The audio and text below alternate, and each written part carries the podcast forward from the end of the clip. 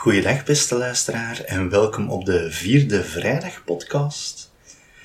Dit keer gaan wij vooruitblikken naar de, uh, de rest van de bovenbouw, namelijk klas 11 en 12.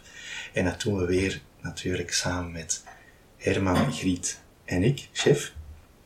Hopelijk kunnen jullie er deze keer ook weer zo van genieten. Veel luisterplezier alvast. Zullen we anders eerst uh, terugblikken op de vorige twee podcasts, waarin we uh, hebben onderzocht waarom doen we wat we doen in de middenbouw en in de bovenbouw. Herman, mag ik jou het woord geven? Ja. We zijn begonnen met de zevende klas. Hè? Zevende klas aansluitend op de basisschool. Het, uh, het is eigenlijk een logisch vervolg van de klasse 1 tot en met 6. Want uh, we zitten daar nog in die tweede zevenjaarsperiode. De periode dat een kind doormaakt tussen 7 en 14. Daarom dat in de zevende klas uh, en ook in de achtste klas nog gewerkt wordt met klasleerkrachten die uh, het grotendeel van de vakken op zich nemen. Bij ons is dat chef en Frank. En dan komen er sporadisch ook vakleerkrachten in de klas. Maar vooral die warme, gemoedelijke sfeer is van belang in die eerste twee jaren van de middelbare school. En in de zevende klas laten we de kinderen nog erg dromerig zijn, nog erg uh, beeldend uh, laten denken, nadenken, in de letterlijke zin van het woord. Het is meester of juf die verhalen brengt, die belevingen schetst uit de geschiedenis, uit de wetenschappen, uit de talen. En de leerlingen die uh, mogen die leerstof opzagen en helemaal in het gevoel opnemen. Er wordt dus eigenlijk in de zevende klas nog niet direct beroep gedaan op het zelfstandig denken. In de achtste klas wordt er toch al een nieuwe grote stap gezet, want daar beginnen de kinderen te ontwaken. Ontwaken betekent dat ze wakker worden voor de wereld en dat ze op een eigen manier die buitenwereld gaan beleven. Je ziet daar ook de differentiatie ontstaan tussen de kinderen, de kinderen die al snel zijn in dat opnemen van die buitenwereld en anderen die nog graag die dromerige sfeer van de zevende klas nog even willen verder zetten. Maar in elk geval, uh, wij trachten in die achtste klas dat wakker worden te stimuleren door ze heel veel feiten voor te spiegelen. Echt uh, feiten uit de verschillende vakken, zeker uh, vakken als wetenschappen en geschiedenis zijn er zeer uh, dienstbaar bij. want de leerlingen bij het wakker worden zeggen die, ja maar, juf of meester, is dat wel zo? Wat jij beweert, is dat wel waar? dus je moet in een achtste klas uw beweringen staven met cijfers of met feiten. Helemaal op het einde van die achtste klas, dan nemen ze definitief afscheid van de kindertijd. En worden ze eigenlijk hongerig gemaakt naar die bovenbouw. En als zij na de grote vakantie terugkomen, dan staan daar voor ons uh, jonge dames en jonge heren zij zijn klaar om die volwassen wereld stilletjes aan binnen te stappen, nog heel traagjes. En in de negende klas uh, ligt het accent op de kracht die uitgaat van het eigen denken. Het denken dat een inspanning vraagt, maar dat ook heel veel loont. En dan uh, zullen we in de verschillende vakken uh, proberen en de weg te wijzen naar dat causale denken.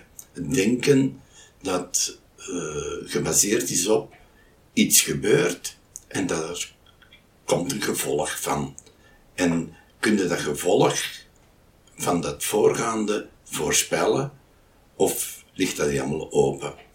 En natuurlijk richten wij ons vooral op dat voorspellende, op dat heel materiële denken, waarbij het ene het gevolg is van het voorgaande. In alle vakken komt dat zo aan bod.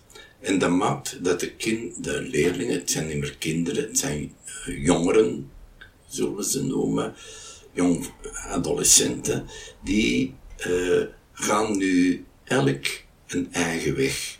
En dat versplintert, want het sociale in de groep gaat helemaal stuk.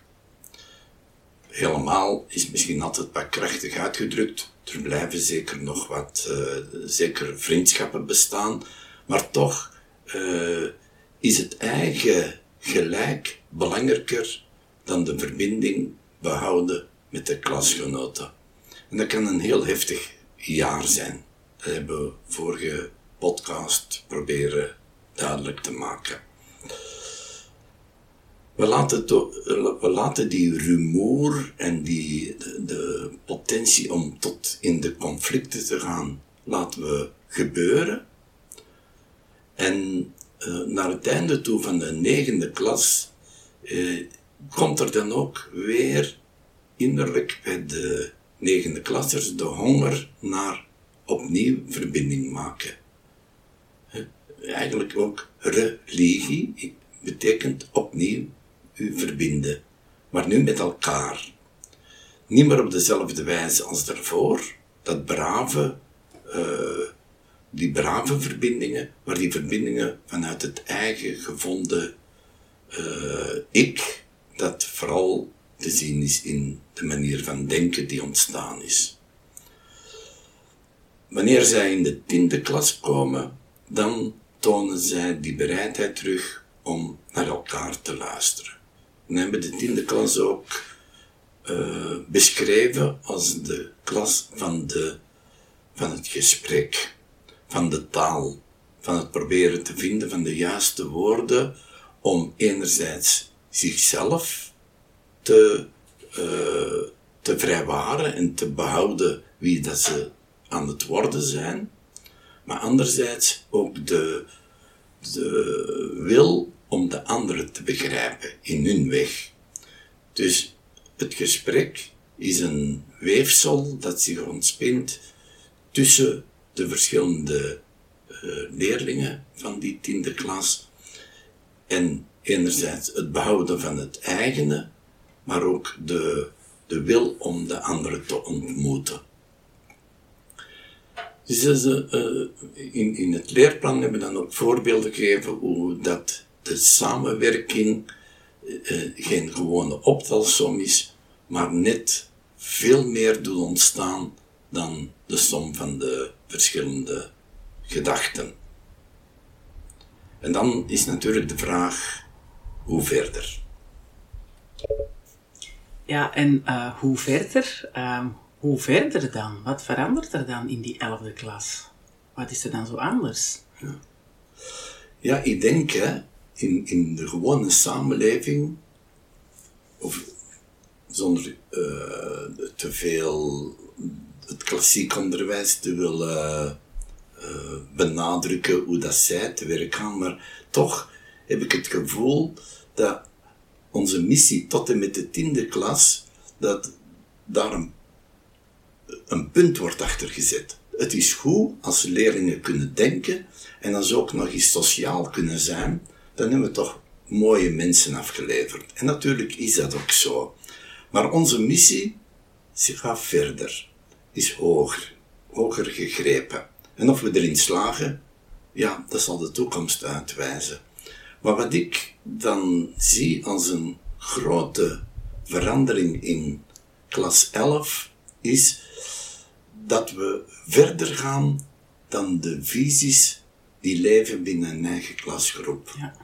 Wij moeten de, de jongeren hun ogen zo openen dat zij weten wat er allemaal in de wereld aanwezig is aan impulsen, aan feiten, aan gezindheden. En door die ogen zo te openen, worden ze geconfronteerd met de meest uiteenlopende dingen. En dat ontreddert. Een elfde klas kan ontreddering brengen. Want plots ga je als leerkracht, maar zij vinden dat zelf op hun eigen manier ook, door het nieuws te volgen, maar uh, gaan wij als leerkracht uh, zaken schilderen voor hun ogen die heel polair zijn. Ja. De meest uiteenlopende gezindheden en visies passeren er de revue.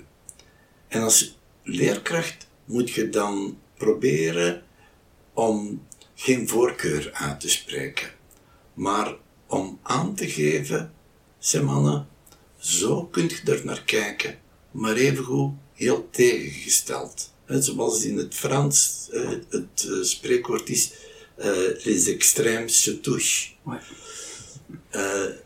De, de, hoe meer dat je in de polariteiten gaat, in, in de tegenstellingen, hoe meer dat je kunt zien dat, je, dat die verschillende visies, dat die te verantwoorden zijn. Maar alleen doordat ze zo extreem zijn, brengen ze geen midden. En dat is wat je in de elfde klas moet doen.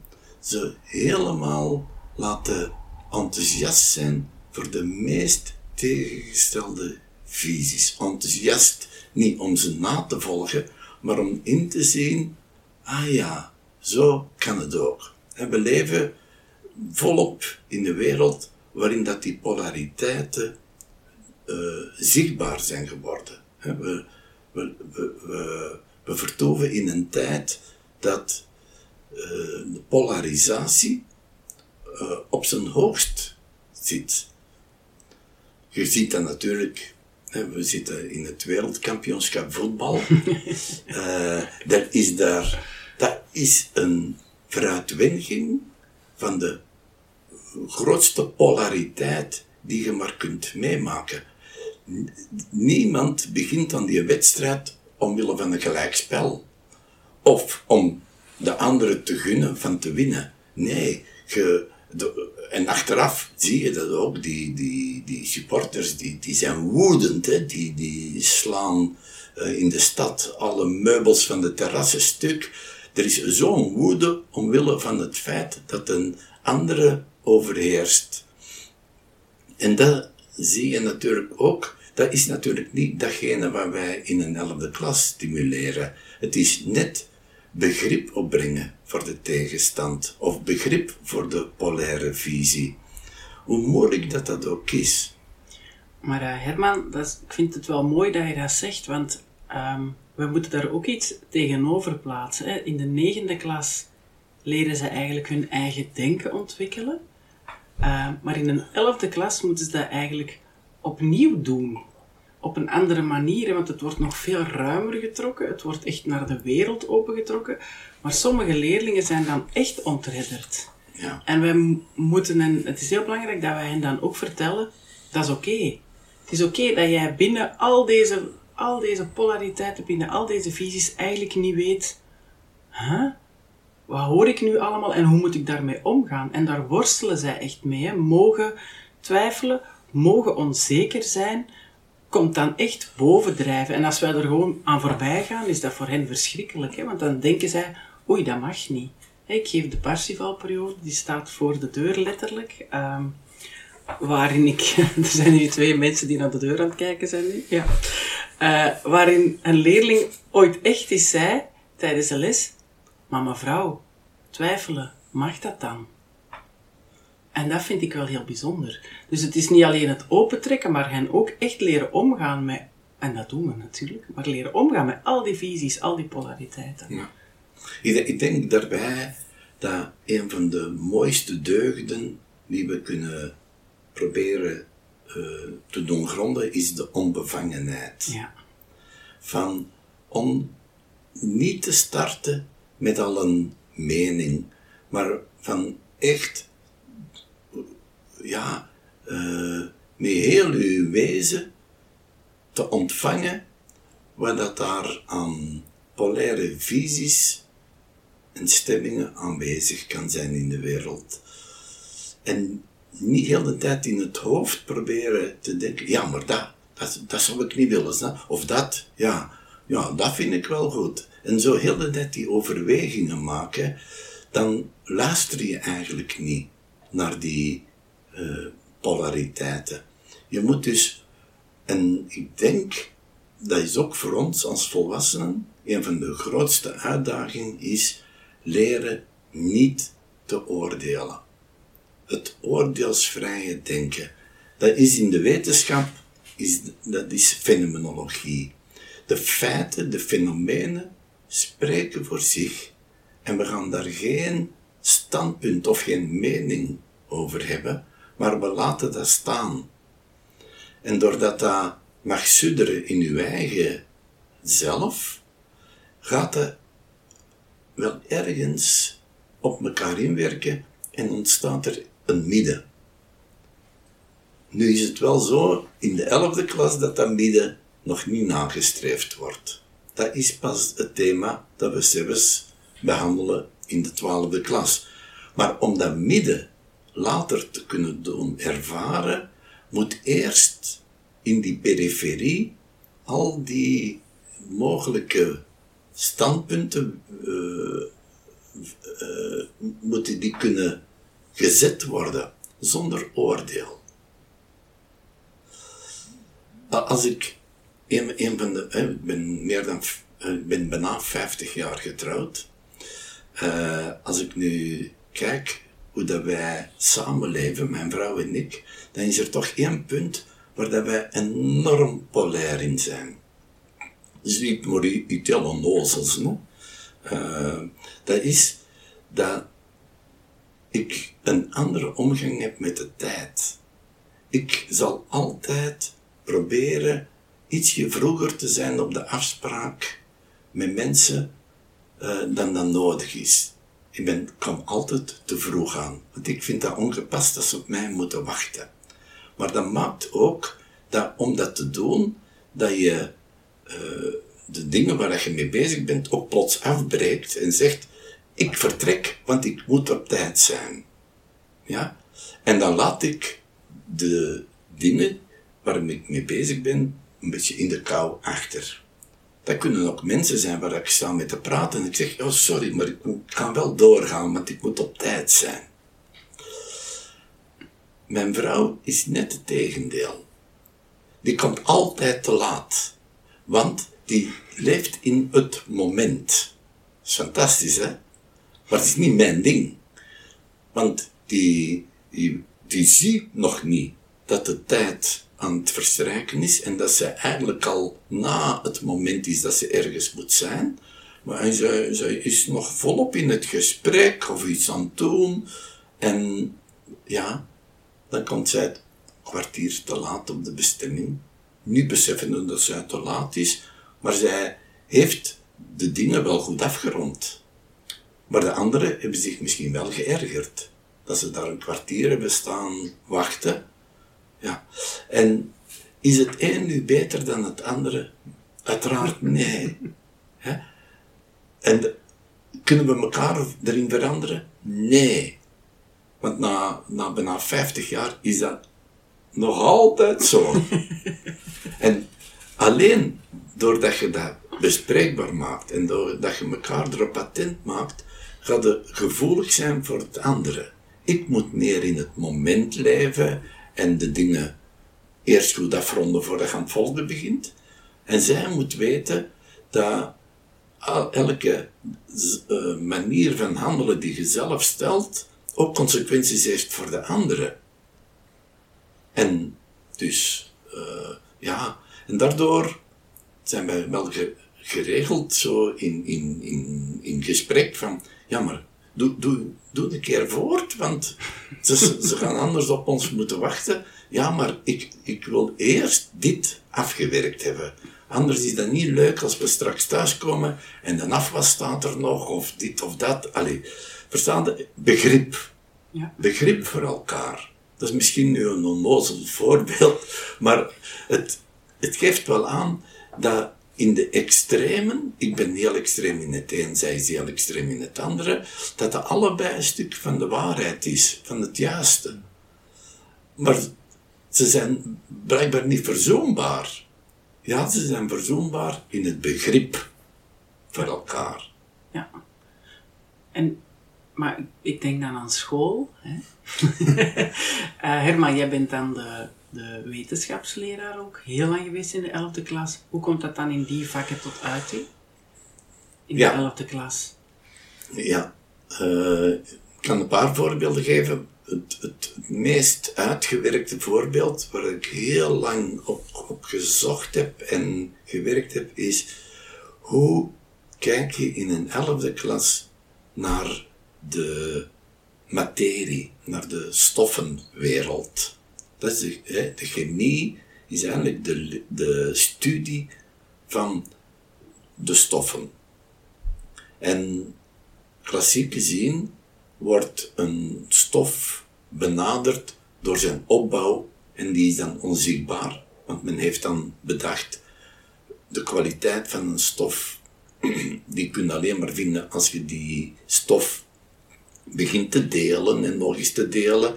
En is er dan een grens aan een stuk, zeg maar iets, hout, en begint dat in twee te snijden, in vier, in acht, ergens moet er toch een grens zijn dat je zegt, en nu is het geen hout niet meer.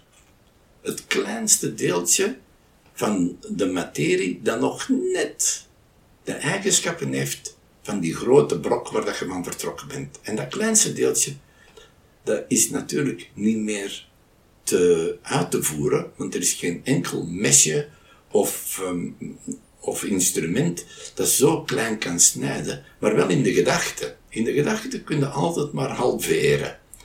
En dan heeft men gezegd, ah wel, het kleinste deeltje, dat noemen we een atoom. Of een molecule, naar gelang hoe dat je, uh, welke stof dat je voor je hebt. En, uh, en dus zit men in de, gaat men de zichtbare wereld verklaren met het onzichtbare. Omdat men blijkbaar niet in staat is om de kwaliteit op een andere manier te beschrijven en te voorspellen. En wij doen in onze school, wij leren de, uh, de leerlingen ook wel denken in dat modelmatige, hè, dat, dat atoommodel. Maar daarnaast besteden we nog evenveel, of minstens zoveel tijd aan het kwalitatieve. En uh, dat is die fenomenologie. En hoe doen we dat? Door de stoffen in polariteiten aan te bieden. Bijvoorbeeld de polariteit. Ik zal nu een paar voorbeeldjes geven. In de, gas, in de gasvorm hebben we ook stoffen, bijvoorbeeld zuurstof en waterstof. Dat zijn de meest extreme tegenstellingen die je in de, die in de stoffenwereld kunt voorkrijgen. Zuurstof is absoluut noodzakelijk voor het leven. Daar ademen we door, daardoor kunnen we dingen verbranden, daardoor kunnen dingen zich met elkaar verbinden. Zuurstof is alomtegenwoordig, maar toont zich niet rechtstreeks, maar in zijn uitingen, zoals we verbinden die twee stoffen met elkaar dankzij zuurstof. We noemen dat eigenlijk in de, we zouden dat als karakter kunnen zeggen, dat is een beetje de coach van de ploeg. Die, die blijft een stukje op de achtergrond en die zorgt dat de anderen kunnen schitteren. En waterstof, dat is dan polair het tegenovergestelde. In plaats dat hij wil verbinden, wil hij alles kapot maken, uiteentrekken, vernietigen. Alles wat aan het verteren, aan het uiteentrekken is, aan het uh, bederven, daar ontstaan waterstof. Dus het ene, en dan zullen ze zeggen, ah, dat is toch iets negatiefs. Nee, want door dat waterstof de natuur heel een tijd doet uh, ontbinden, verteren, uit elkaar trekken, kan er iets nieuws ontstaan. Dus zuurstof, waterstof, dat zijn de meest uh, tegengestelde uh, werkingen die in de natuur voortreden, voorkomen. En in de twaalfde klas, en nu loop ik al even vooruit, kunnen we dan zien, wat als je die twee nu eens bij elkaar brengt. De twee grootste tegenstellingen, dat gebeurt in een labo, dat doen we als proef. Dat is een van de leuke proeven. Je brengt die samen onder een stolp en wat gebeurt er? Een knal.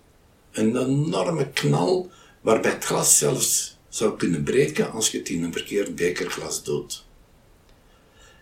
En wat ontstaat er? Een druppeltje water. Water is het midden tussen enerzijds de verbindende, dat zien we, het water verbindt, eh, de oceanen, de zeeën, de beken, uh, alles is dankzij het water verbonden, maar het water kan ook verwoesten. Het water kan overstromingen, kan, kan, kan echt woest worden.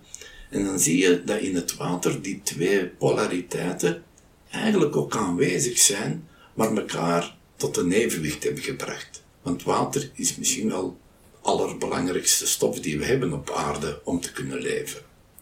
En zo gaan we in de chemie niet zo uh, uitsluitend onderdompelen in het abstracte, maar gaan we heel concreet maken. Gaan we zien dat die stoffenwereld, dat die wijs in elkaar zit. Je ziet dat ook in, in, in andere stoffen. Een andere polariteit is kalk en kiezel. Kalk is ondoorzichtig, is, is vast. Kiezel, daar speelt het licht door. Dat is heel transparant. Dat is, daar maken we glas van. Uh, kiezel vinden we in ons lichaam. Aan de heel de buitenkant van ons lichaam is kiezel. De haren, de nagels, de huid, de ogen. Dat is voornamelijk kiezel. Datgene wat de buitenwereld naar binnen moet laten. He, moesten we helemaal met kalk afgesloten zijn, dan zouden we een, een, dode, een, een dood wezen zijn. Nee, het is dankzij de kiezel. Maar die kiezel is weer niet, niet sterk. Hè. Een huid kan gemakkelijk open gesneden, kan, kan kapot springen dan, of als je het kwetst.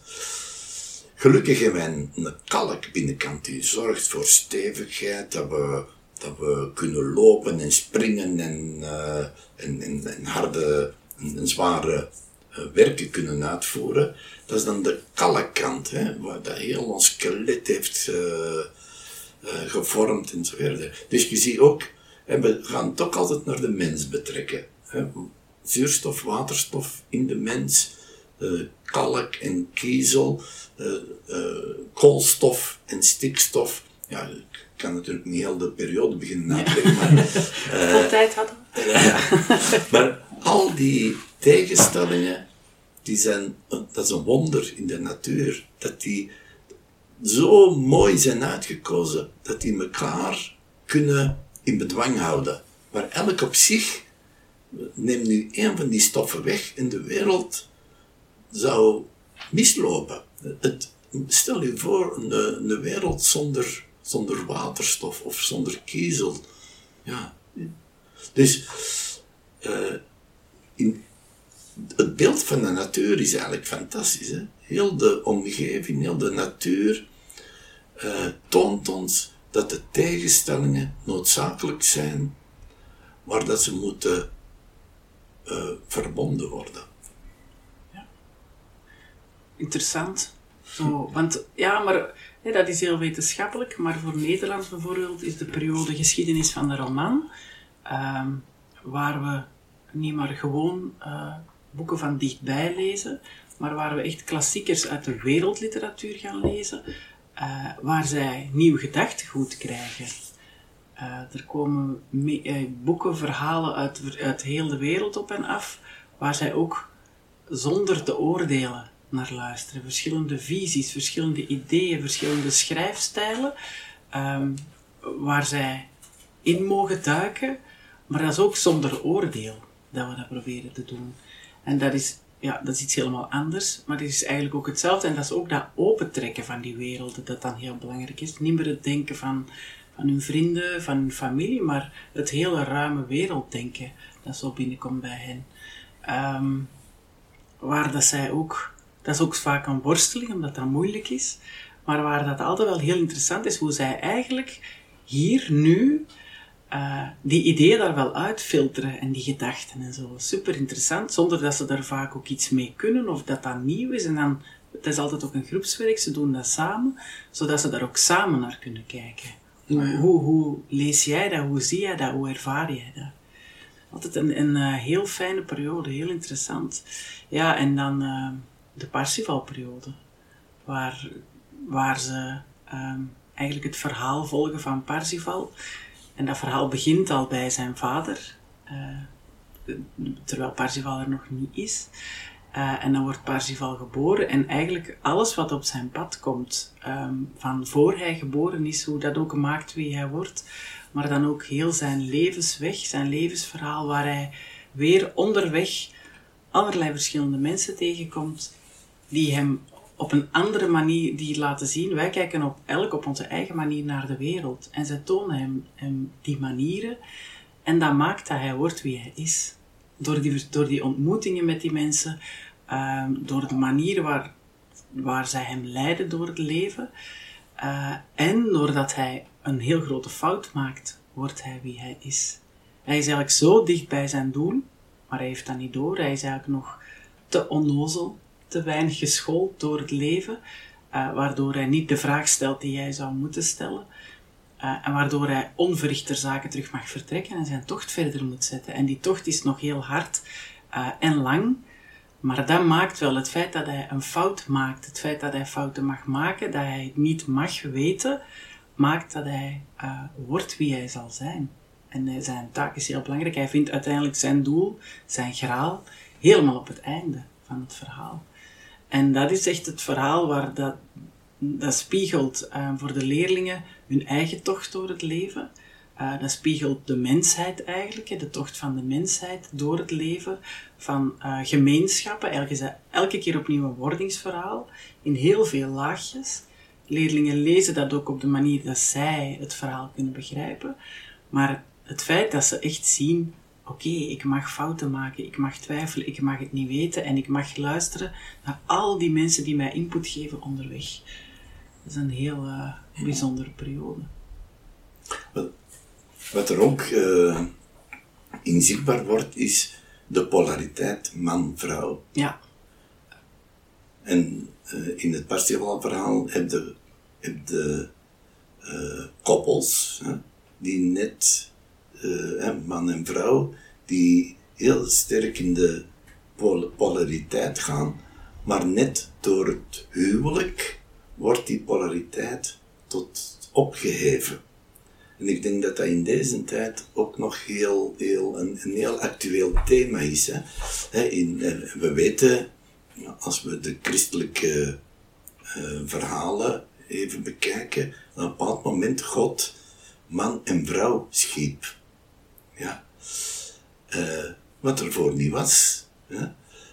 En in, in, die polariteit uh, schept ook de mogelijkheid om te verbinden en om het midden te creëren. En de vraag is natuurlijk, hè, want in deze tijd is er veel rond het vrouwelijke en het mannelijke en het onzijdige, of hoe moet je het noemen? Ik weet het nog altijd niet. het het, of het hun, of het... Hè. Maar je, je merkt dat, de, dat in die polariteiten, dat er al een beweging aan de gang is. Ja. En als we de antroposofie erop naslaan, dan weten we dat er een moment komt dat die twee geslachten uh, terug één worden. En ik denk dat heel veel al een vooraf aankondiging ervan is. Ja? Dat, dat we zien dat de, de sleutel van, van de ontwikkeling is de zoektocht naar het midden. Maar we moeten, we kunnen niet ineens naar dat midden gaan.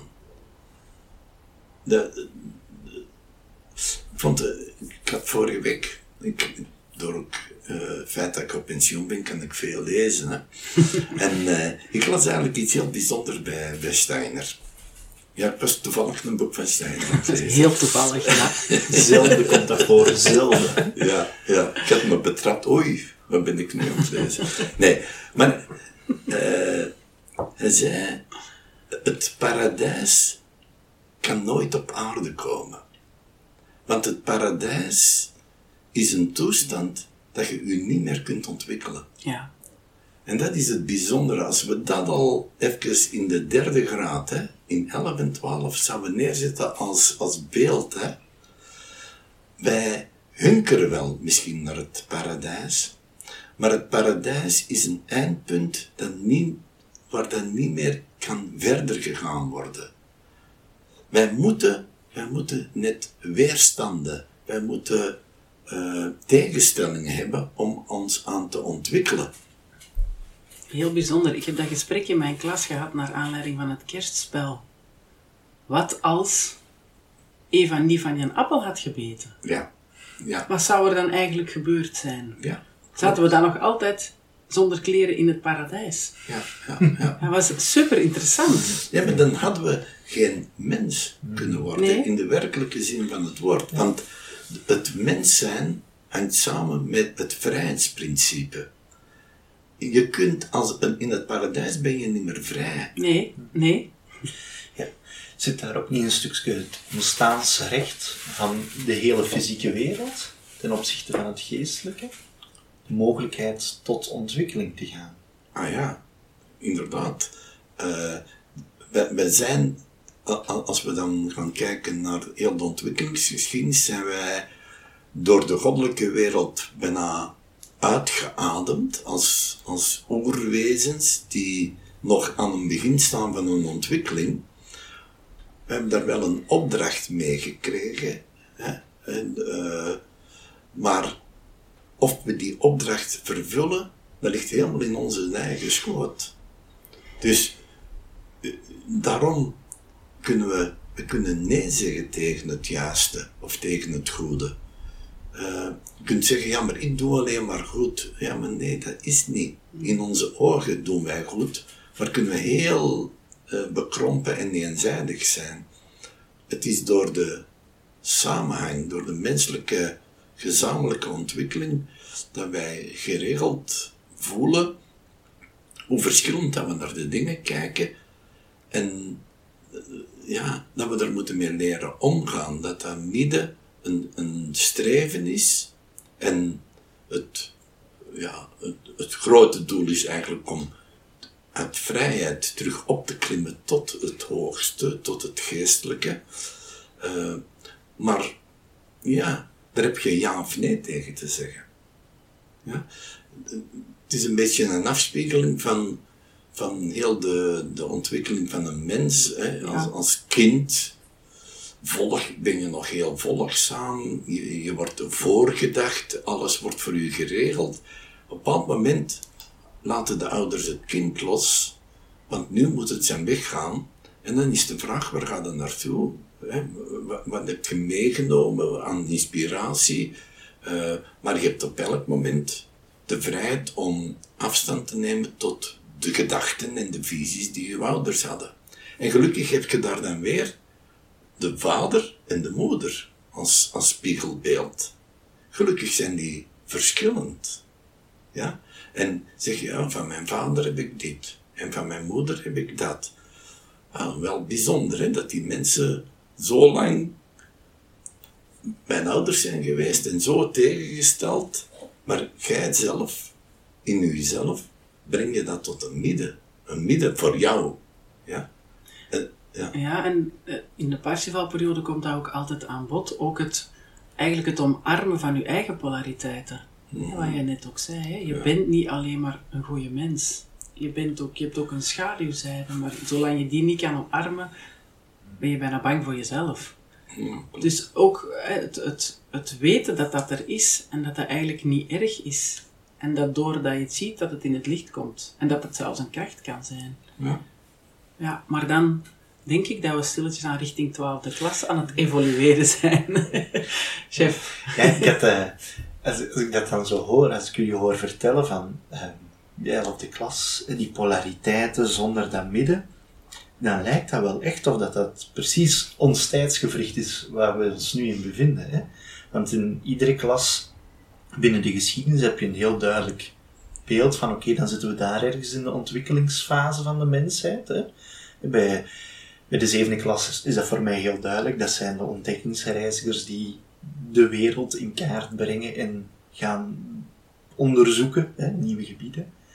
In klas 8 zijn dat dan de, de verschillende revoluties, hè, die puberteit die opkomt. Maar als ik dat dan nu zo hoor, dan lijkt dat precies, ja, die polariteiten, dat is nu, dat is waar al om ons heen gebeurt. Of waar zitten we dan ergens in de... Eh, ik denk, hè, Jim, dat de potentie aanwezig is, maar dat het oordelen, terug, de oordelen terughouden, dat we daar nog niet in slagen. En willen we deze tijd, dus een bijzonder spannende, maar tegelijkertijd heel leerzame tijd die we nu doormaken. Maar hier nu moeten we oefenen en het niet uitstellen. Want uh, wie van ons kan in zijn innerlijk zeggen, uh, gaat die oorlog tussen uh, het Westen en Rusland, als die Russen nu eens een keer zouden inzien hoe fout dat ze zijn, dan is het probleem opgelost. nu wordt er ook aangestuurd op het gesprek. En uiteraard zal daar de oplossing liggen. Maar als, in, als het gesprek zal gevoerd worden opdat de andere zijn fouten zou toegeven en zou buigen en zou. Hè, ja, we moeten geen gesprek beginnen. Wij moeten in, in, in dit extreme voorbeeld hè, moeten wij begrip hebben voor wat Rusland doet. Begrip, hè? ik zeg niet goedkeuren, maar dat je moet verstaan hoe is dat kunnen gebeuren. Wat is daaraan voorgegaan?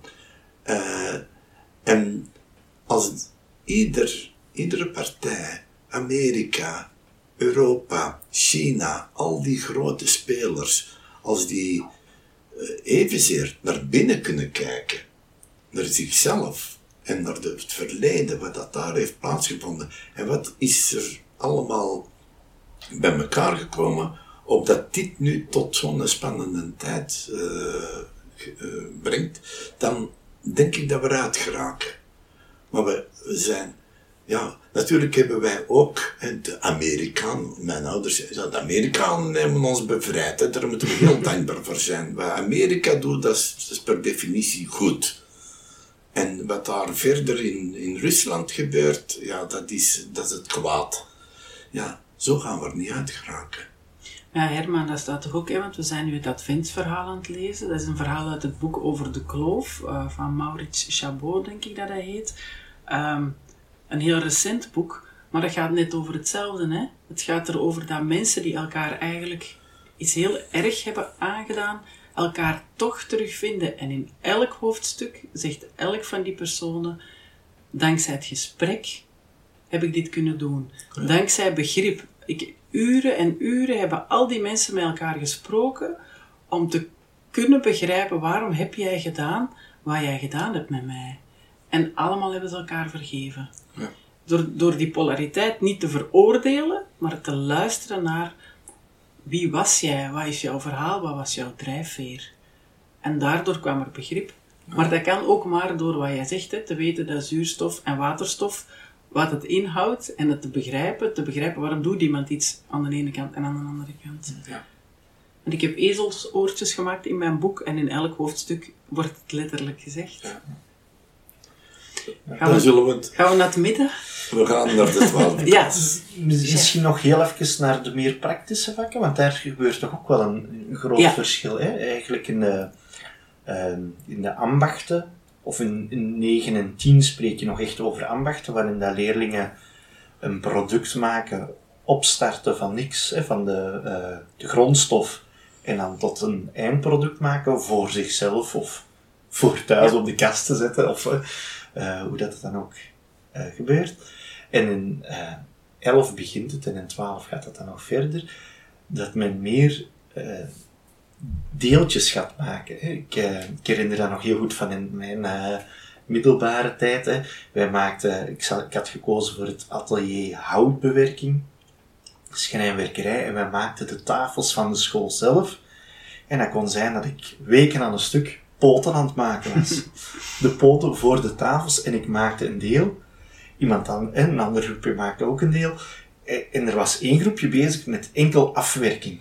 Dus die hadden die maakten, ah ja, die maakten geen, geen nieuwe stukken, die, die, die, die plakt eigenlijk alles aan elkaar. hè. Assembleren. Ja, echt assembleren. hè. Dus wat toch wel een heel nieuwe, nieuw iets is, want het is ook niet dat ze het mee naar huis nemen. Het is eigenlijk voor iets buiten hun, voor eh, de gemeenschap of waar dat er ook maar een vraag is. Hè. Maar eigenlijk is dat assembleren een taak voor een twaalfde klasser.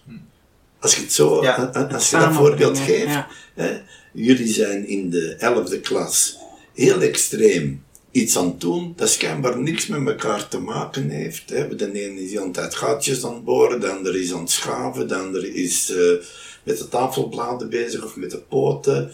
Eh, maar het is heel eenzijdig, polair, weken aan een stuk hetzelfde doen. Maar het is pas wanneer alles samengebracht wordt, dat er plots een prachtige tafel kan ontstaan die in elkaar wordt geplaatst. En één polariteit of één onderdeeltje dat niet verzorgd wordt, maakt het geheel onvolledig. Ja. Ja, en ook hun stage. Zij doen een bedrijfsstage waar ze eigenlijk ook als klein deeltje van het bedrijf, de gemeenschap, gaan werken aan iets, een onderdeeltje. Ik ben op bezoek geweest in een drukkerij bijvoorbeeld, waar een leerling eh, een hele dag lijm, moest lijmen, één onderdeeltje van dat boek maakte, eh, waar zij ook deel worden van het grote geheel en door dat klein stukje bij te dragen, ehm, ja, dat is dan ook al bijna twaalfde klas, hè? maar wel heel eenzijdig altijd één stukje maken van het geheel daar in die stage. Ja, Herman en Chartres, daar hebben we het nog niet over gehad. Ja. De schoolreis in de elfde klas. ja. Onze, onze, het- we gaan eh, blijven hangen op de elfde klas vandaag, denk ik, beste luisteraar. Maar ja, het is toch wel fantastisch dat heel dat leerplan een ondersteuning is van datgene wat je wil ontwikkelen. Ja, We zeggen dat wel, hè. leerstof is ontwikkelingsstof, maar aan die dingen kun je dat toch prachtig herkennen. Dat dat haarfijn en haarjuist is uitgekozen. Hè. Naar Charteren, inderdaad, in, in mei gaan we met de 11e klas naar Charteren. En eh Charteren, eh, kun je voorstellen, in deze tijd met eh, 17-jarigen een week op bezoek gaan aan een kathedraal. Dat, ik, dat, is niet meer mogelijk. Dat, dat, dat, dat is bijna pestgedrag. ja. Soms lijkt het erop. ja, maar allee, tegelijkertijd achteraf is dat zo een voldoening voor elk, elke jongere die erbij was. En dat heeft ook weer, dat is allemaal onbewust dat dat speelt. Maar we gaan, we gaan een hele dag alleen maar de buitenkant bekijken van die kathedraal. We komen niet binnen. En die honger om naar binnen te gaan, die, dat is, dat bijna, eh, hoe moet ik zeggen, de hunkering van deze tijd. Het kan niet, niet rap genoeg gaan en een beetje consumeren. Nee, nee, we houden dat terug. En we zeggen, willen we het verdienen om naar binnen te gaan, moeten we eerst weten hoe dat een buitenwereld gewerkt heeft. Ja, al die mensen van de stad Chartres hebben honderden, honderden jaren eh, zich ingezet voor hun kathedraal. Eh, alle portalen, alle trappen, alle beelden, er is met zorg aan gewerkt om die buitenkant iets, daar iets stralends van te maken. Heel het Oude en het Nieuwe Testament staat afgebeeld. En dat is een heel confrontatie, want die, die mannen die weten nog amper wat dat testament inhoudt. Eh, Als je spreekt over het boek van Job of eh, over eh, Mozes, dan zeggen die, over wie heb je het? dus dat, moet allemaal wel, wel een beetje gekaderd worden. Maar eigenlijk is heel die buitenkant een opengaan van een, een boek naar het, van het verleden. Heel het verleden is daar samengestroomd om die, die, die prachtige kathedraal daar neer te zetten. En de volgende dag gaan we naar de binnenkant zijn, kijken. En dat, dat, doordat je die, die hunkering hebt tegengehouden, is die, des, die honger des te groter geworden. En dan kom je in die ruimte en dan, krijg je kippenvlees. En dan, dat is, wauw. Stel je voor dat we de eerste dag dat we toekwamen, de bus stopt voor de deur van de kathedraal. Alleen mannen naar binnen. Het, zou niet gewerkt hebben. Hè? En nu, de, het, het licht schijnt op die glasramen, die, uh, die tafereelen die daar geschilderd zijn, de zuilen, de, de, de, de bogen die deel die kathedraal, uh, maar ook de, de, heel die kathedraal is zo gebouwd dat je bij jezelf naar binnen moet gaan.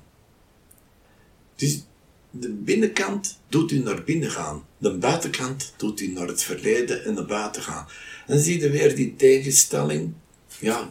Ja, en toch ook, Herman, jullie wandelen toch de eerste dag richting kathedraal, waar de leerlingen op bepaalde plekken de kathedraal schilderen en ze dan eigenlijk ook elke keer anders zien, hè? Ja, ja, Ja, dus Klopt. al die vers verschillende manieren om naar één ding te kijken, ook altijd zo. Ja, we vertrekken eigenlijk in Saint-Piat, een heel klein dorpje, dat ligt op de pelgrimsroute.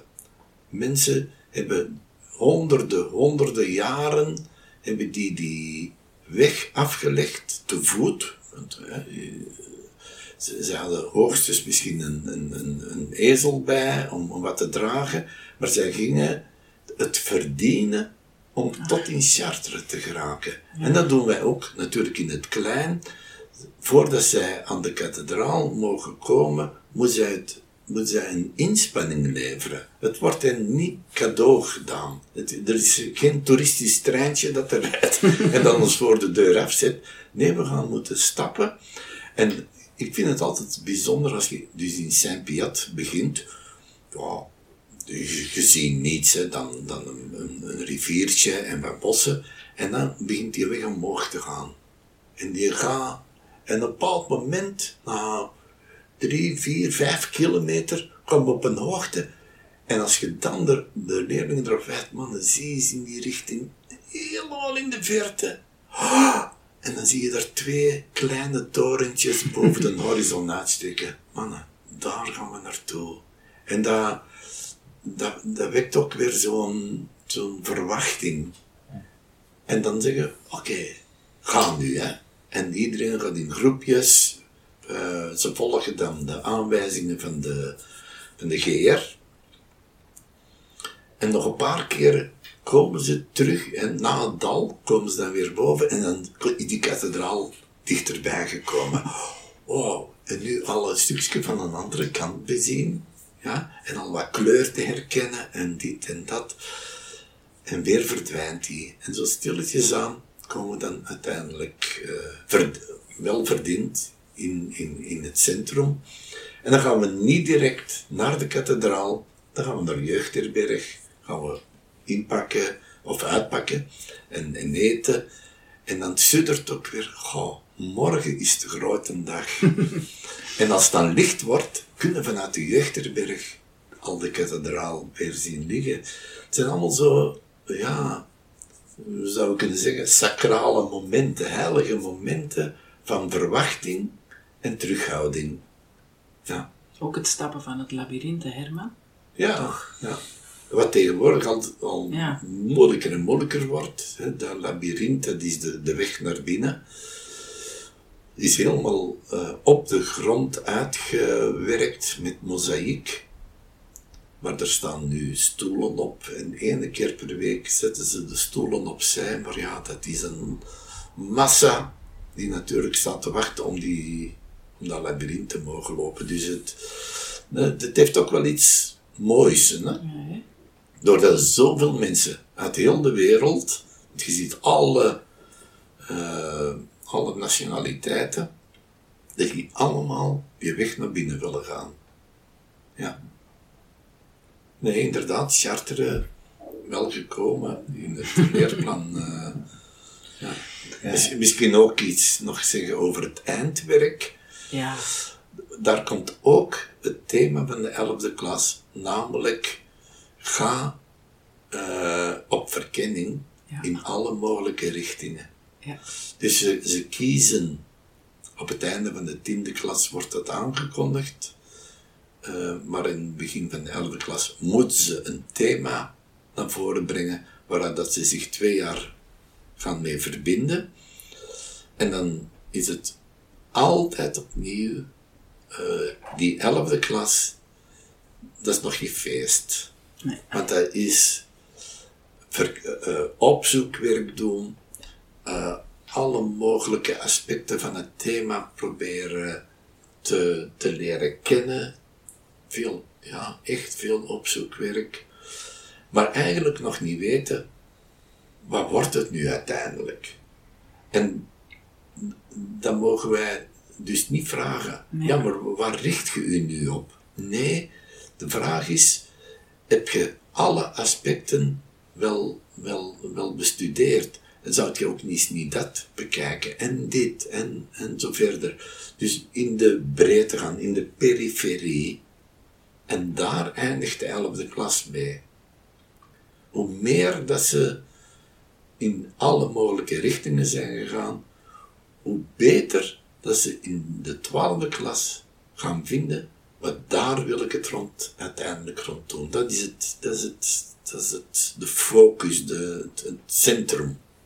Ja, en als ik, als ik dit allemaal zo hoor, dan denk ik hoe belangrijk is het eigenlijk toch ook dat, dat je als leerkracht doordrongen bent van, ehm, van het feit dat we doen wat we doen, waarom dat we het doen. Ja. Want als je bijvoorbeeld de begeleiding doet van een elfde klasse en je bent daar je niet van bewust, dan ga je misschien echt verwachten, kom aan hè, begint er eens aan en uh, uw focus en wat het doen. En, maar nee, wij moeten, wij moeten soms, want dat is voor leerlingen ook moeilijk, hè? dat is echt een worsteling. Hè? Nog niet weten wat gaat dat worden en zeggen, nee, maar ga in de breedte, ga onderzoeken. Maar het is zo belangrijk dat wij als leerkrachten ook echt weten, waarom doen we wat we doen. Ja, ja, ja. Ja, want de neiging is altijd om sneller, om, om vooruit te lopen. Hè. Om, al, Ja, om ja. al dingen te doen die echt tot de twaalfde klas behoren. Ja, dat is natuurlijk ook wel... Het kan ook een stukje kunstmatig zijn, hè, dat je de dingen echt per jaar wil afwerken. Maar als je iets niet een jaar lang volhoudt, dan, dan, dan gaat het niet verworven worden. Dus je moet in die hele elfde klas, moet je u richten op de periferie, op de wijde omgeving en niets ontlopen dat met de zaak te maken heeft. Niet denken, ja, maar oh, dat, dat vind ik maar een, een eng onderwerp of een eng themaatje. eh daar ga ik maar afblijven. Ja? Ja, eh, als, als, als bijvoorbeeld een derde klasser als thema heeft, wat is geluk? Wat, maakt mij, wat kan de mens gelukkig maken? Ja, dan moeten we ook durven nagaan Ja. wat hem ongelukkig maakt. Ja. Waarom komen mensen tot het gevoel van mijn leven heeft geen zin meer, ik wil er een einde aan maken? Dat is geen prettig thema, hè? Maar als je dat niet durft aansnijden, begrijp je ook niet wat er soms op een menselijk pad terecht kan komen, opdat hij het dreigt op te geven. En dus, elfde klas is geduldig werken aan de buitenkant, zullen we dat maar zeggen, aan de, aan de verschillende mogelijke insteken die er zijn om, om het thema helemaal te, te grijpen. En dan in de twaalfde klas, ja, dan moet, dan moet het gerijpt zijn. En ontstaat er vanzelf. De, de- soms is dat wel een iets moeilijker proces bij sommige leerlingen, omdat ze niet graag een van de dingen achterlaten. En ze moeten dan gaan focussen op één eh, midden. Maar over het algemeen lukt dat wel. Ja. Nu kwam wel na de vorige podcast de vraag van iemand van, ehm, maar bestaat dat wel? Een elfde klasser of een negende klasser of een tiende klasser? Hè? Want dat is eigenlijk, hè, je richt je daarop. Maar hoe afgebakend is dat dan? Hoe, ja, hoe vast ligt dat? Maar ik denk dat we daar, dat dat een, een richtlijn is. Hè? Dat we daar ook niet zo rigide mee omgaan dat dat een richtlijn is in een jaar, maar dat er altijd leerlingen zijn die nog net iets voorlopen of net iets na, Ja. achterna Ja, hinken. we spreken van stereotypen natuurlijk, hè? Om, om toch maar ergens te kunnen vatten. En eh, ook, ook klasgroepen zijn zo, zo veranderd. Hè? Ik, ik heb nu nog maar een paar zevende klassen gehad, maar er is echt geen één zevende klasse zelfste geweest. Eh, natuurlijk, hè, je hebt het individu dat al een ontwikkelingsweg gaat, maar ook het individu beïnvloedt de andere klasgenoten ook, waardoor dat je totaal andere groepen kunt hebben. Of, hè, dus ja, het is nooit, ja, het is nooit zoals wij ze schetsen. Het, of, hè, soms kan je dat wel zo eens hebben. Oh, oh, dat is nu eens echt een zevende klasser. Hè. Ja. Of, oh, dat is, maar dat, dat is nooit inderdaad constant het stereotypebeeld, denk ik. Of, Nee, nee, dat is waar. Maar eh, eh, de neiging van onze samenleving is, of de, de slogan, je kunt er niet vroeg genoeg mee beginnen. Ja. Wel, zie je iemand talent hebben als, als kleuter en die, die neemt een tennisraket vast en die zegt, amai, die, daar gaan we een, een ster van maken. We kunnen niet vroeg genoeg beginnen. Ja, dat is niet hetgeen dat wij nastreven. Eh, wij, wij proberen de tijd te nemen. Er is niks zo moois als de trage ontwikkeling van de mens. Een dier kan niet anders dan pijlsnel volwassen worden en zich voortplanten. De mens is een teruggehouden wezen, moet tijd nemen. Dus moeten we die tijd ook respecteren. En natuurlijk, de zevende klasser bestaan niet en de negende klasser. Maar wij moeten toch wel fases Ja. Eh, nemen, waar dat we ons op richten, want anders gaan we als leerkrachten die in dezelfde klas komen, allemaal iets anders eh, benadrukken. En dat, dat, brengt, eh, dat brengt onduidelijkheid en, en, en dat geeft geen richting. is, eh is leuk dat je zegt van we moeten de, tijd nemen. Ik heb dat nu zelf van heel dichtbij ondervonden, namelijk mijn zoontje, die is kleuter nog maar net. hè. Die, die was, eh, zat eerst in de peuterklas en dat was heel spannend voor hem allemaal. En eh, we hebben die dan ook maar altijd halve dagjes laten gaan. En ja, eh, die, die werd dan vier, maar zat nog in de peuterklas. Hè, of moest vier worden, zat nog in de peuterklas. En op een gegeven moment begon hij zo zelf van... Papa, ik zou wel eens willen weten wat ze dan in een kleuterklas doen. nou ja, dan, dan, moeten we daar eens over denken of dat, we dat, al, of dat je al naar een kleuterklas kunt gaan. En die begon die dat zo af en toe nog, nog, nog eens op te halen. En dan mocht hij opeens naar de kleuterklas gaan. Maar ik voel, dat was zo duidelijk dat hij daar zelf om vroeg om die stap te kunnen zetten van, ik ben inderdaad nu klaar met peuter te zijn, het is, het is goed. Ja. En hoe goed dat dat ook in de peuterklas is geweest, er is, is niet dat hij zoiets heeft van, ik wil nu nog peuter zijn. Het is klaar geweest. En dat is wel echt heel, heel fijn om dat dan zo te kunnen zien. En waarin dat je tegelijkertijd soms ook de vraag, stel ik me dan de vraag, ja, hoe moet dat dan zijn voor, voor kinderen die dan omwille van leeftijd, of, of omwille van, ja, je moet vooruit, al verder moet gaan zonder dat iets afgerond kan zijn. Maar ik denk ook, hè, eh, nog een belangrijk aspect is, wanneer je kausaal denkt, dan moet altijd het een na het andere plaatsvinden. In de manier waarop wij naar ontwikkeling kijken, is dat niet. En daarmee wil ik zeggen, stel nu dat je in een elfde klas onvoldoende tijd hebt gemaakt om de periferie te verkennen, moet je dan bij het begin van de twaalfde klas zeggen, ja, we hebben dat in de elfde klas nog onvoldoende gedaan, dan gaan we dat in de, elfde kla- eh, in de twaalfde klas wel doen. We moeten een inhaalbeweging doen. Dat is niet juist. Dan moet je in de twaalfde klas het thema van de twaalfde klas aansnijden.